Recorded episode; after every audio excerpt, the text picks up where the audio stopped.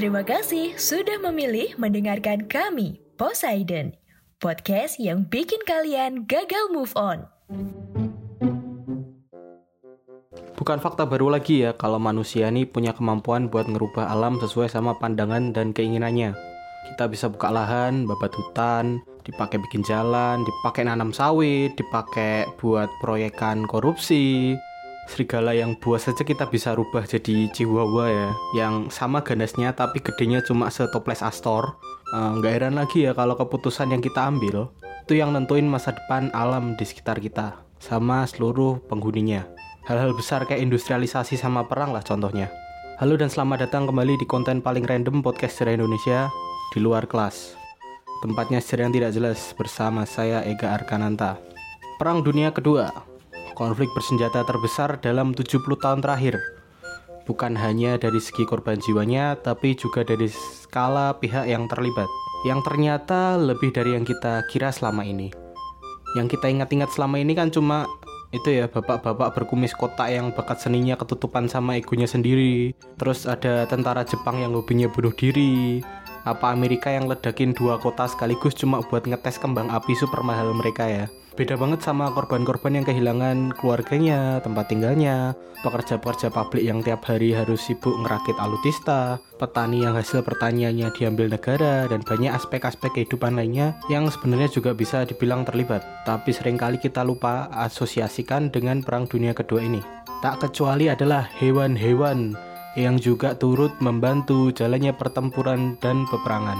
Ya kalian nggak salah dengar ya, memang hewan-hewan banyak masih banyak digunain waktu perang dunia kedua, bahkan sampai di era modern ini. Merpati misalnya, mereka biasa yang ngirim surat gitu, bukan pakai burung hantu kalau burung hantu di Harry Potter. Terus anjing yang tugasnya mulai dari bantuin jaga camp sampai ikut ke medan perang. Terus ada kuda sama unta yang bantuin ngangkatin barang dan juga ngangkat pasukan. Tapi ada satu hewan yang kalian gak akan nyangka bisa jadi anggota pasukan bahkan terlibat dalam peperangan. Beruang yang bernama Wojtek. tulisannya Wojtek ya, W O J T K. Adalah seekor beruang coklat suriah atau Syrian brown bear ya, yang bertugas bersama pasukan 22nd Artillery Supply Company dari Polandia yang aktif bertugas antara tahun 1943 sampai akhir perang tahun 1945. Terus gimana caranya tentara Polandia bisa punya beruang? Yang asalnya dari Timur Tengah lagi apalagi bisa ikut perang. Jadi tahun 1939 ya Polandia ini kan diinvasi uh, sama dua pihak ya sama Jerman dan Uni Soviet uh, yang juga kita kenal sebagai awal perang dunia kedua. Jadi akhirnya kan Polandia kebagi dua ya wilayah yang dikuasai Jerman sama yang dikuasai Soviet. Tentara-tentara Polandia yang ada di bagian yang dikuasai Uni Soviet ini terus dikirim ke kem-kem konsentrasi di Siberia Kemudian di tahun 1941, Jerman ini kan melanggar perjanjiannya sama Uni Soviet dan menyerang mereka. Lewat operasi Barbarossa ya tanggal 22 Juni 1941. Uni Soviet yang kewalahan akhirnya melepaskan tawanan-tawanan perang dari Siberia pada musim semi tahun 1942. Di antaranya adalah tentara-tentara Polandia yang akhirnya menuju ke Timur Tengah buat ikut perang membantu pasukan Inggris.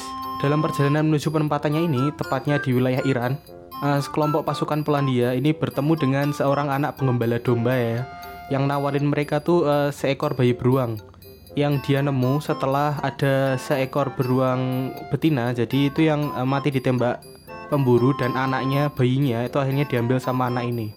Bayi beruang ini tuh kemudian dibarter ya dibeli sama tentara Polandia tadi kemudian dirawat oleh mereka dan diberi nama Wojtek karena keluarga barunya ini adalah tentara yang hidupnya juga seadanya ya. Wojtek ini tuh dikasih makan juga seadanya gitu buah roti minumnya juga susu kental manis yang diencerin gitu ditaruh di botol bekas vodka. Kadang-kadang dia juga hobi minum bir sama rokok ya. Makan rokok dia dia makan rokok jadi kan dia tidak bisa merokok dong. Kalau dikasih rokok ya dimakan pasti sama dia. Wojtek ini tuh deket banget ya sama pasukan yang ngerawatnya. Uh, dia juga hobi main sama mereka. Hobinya adalah gulat sama tentara yang lagi gabut. Wojtek ini udah jadi kayak maskotnya pasukan 22nd Artillery Supply Company ya. Bahkan ikut ke mana pun di mana pasukan ini ditempatkan. Mulai dari waktu mereka dipindahkan ke Irak terus ke Palestina dan ke Mesir bahkan ada suatu cerita ya yang di mana si Wojtek ini tuh pernah ngusir maling yang masuk ke camp tentara jadi ada maling random di suatu malam tuh ada seorang maling random ya yang mencoba mengambil barang-barang di camp itu. Terus dia mungkin juga agak teledor ya, agak ceroboh, jadi dia sempat jatuhin barang. Sialnya adalah yang kebangun ini tuh bukan tentara, tapi si Wojtek. yang waktu itu udah agak gede ya, beratnya udah hampir 100 kiloan waktu itu, jadi udah agak lumayan gitu kalau berdiri. Kagetlah maling tadi ya. Barangnya dijatuhin semua, dia lari. Tentara lain yang kebangun waktu denger itu terus ngecek kan otomatis mereka. Yang mereka temuin cuma si Voitek ini duduk di sebelah barang-barang curian yang tinggal tadi. Dan hidupnya si Voitek ini nggak selamanya bahagia ya nggak kayak acara kartun anak ya. Karena dia walaupun dia beruang ya dia bukan uh, beruangnya Christopher Robin ya si siapa namanya Winnie the Pooh. Di tahun 1943 si Voitek ini pernah hampir kepisah sama keluarga sama pasukannya ya ketika itu mereka ditugaskan ke Italia buat ikut ke pertempuran aktif Masalahnya adalah karena kapal pasukan Inggris yang akan membawa pasukan Polandia ini ngelarang buat hewan-hewan maskot buat ikut naik. Ya karena mereka kan mau perang ngapain gitu bawa hewan. Nggak kayak waktu di Timur Tengah ya, waktu di Timur Tengah kan mereka cuma jaga kayak jaga area gitu ngamanin. Tapi untungnya pasukan Polandia ini tuh nggak kehilangan akal ya karena Wojtek ini kan udah bukan cuma keluarganya tapi juga anggota pasukan. Ya benar sekali buat para gadis, Wojtek ini resmi menjadi idamanmu. karena dia terdaftar sebagai anggota pasukan tentara Polandia dengan pangkat private atau kalau di Indonesia ini tamtama ya. ini saya yakin yang bingung adalah petugas absen kapal waktu mereka ngabsen gitu. Teriak gitu kan, private Wojtek. Terus yang lewat tuh malah beruang coklat gitu jalan dua kaki gitu masuk masuk kapal Wojtek dan pasukannya ini tuh ikut bertugas pada pertempuran Monte Cassino yang terjadi antara tanggal 17 Januari sampai 18 Mei 1944 di mana ini adalah pertahanan terakhir tentara Jerman sebelum masuk ke kota Roma. Jadi kalau pos ini bisa diambil, tentara sekutu bisa maju buat ngambil kota Roma. Pertempuran penting lah pokoknya ini tuh sebenarnya. Dalam pertempuran ini, si Wojtek ini ikut ngebantu pasukannya dengan cara mengangkut kotak-kotak peluru artileri Hal ini bisa dia lakukan karena dia tuh udah biasa niruin aktivitas tentara yang rawat dia ya selama ini. Jadi waktu perang dia ngikut-ikutan, dia ngangkatin dia ngangkatin amunisi gitu yang gede-gede gitu. Yang tentara-tentara biasa biasanya butuh lebih dari satu orang lah dia bisa ngangkat sendiri karena kayak dia beruang ya. Karena keterlibatannya ini si Wojtek ini resmi dipromosikan naik jabatan jadi korpral ya. Terus logonya, logo emblemnya pasukan 22nd Company artileri ini kemudian dirubah menjadi gambar beruang yang sedang mengangkut peluru buat menghormatin jasanya si Wojtek ini. Setelah perang berakhirnya, dia juga ikut uh, ditempatkan bersama pasukannya itu di wilayah Berwickshire, Skotlandia, di mana dia jadi terkenal karena cerita dia selama perang.